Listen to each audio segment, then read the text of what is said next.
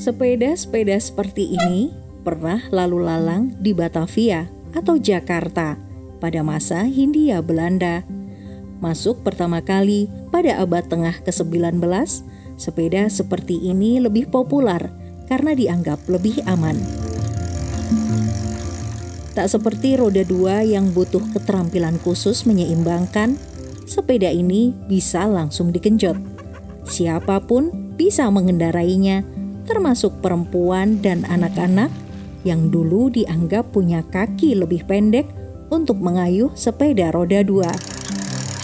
Sepeda roda tiga seperti ini pertama kali dibuat di Inggris pada 1851.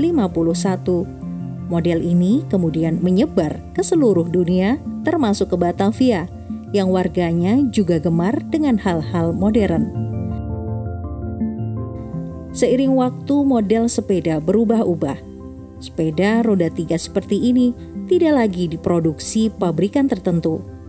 Tapi ini tak mengubah Batavia sebagai kota penikmat sepeda. Di awal abad ke-20, sepeda-sepeda keluaran Humbercross, Raleigh, Philips, Hercules, Batavus, dan Gazelle populer dan warawiri di jalanan Batavia nan rindang. Kelak kita menyebut sepeda-sepeda ini dengan sebutan sepeda kumbang atau sepeda ontel. thank you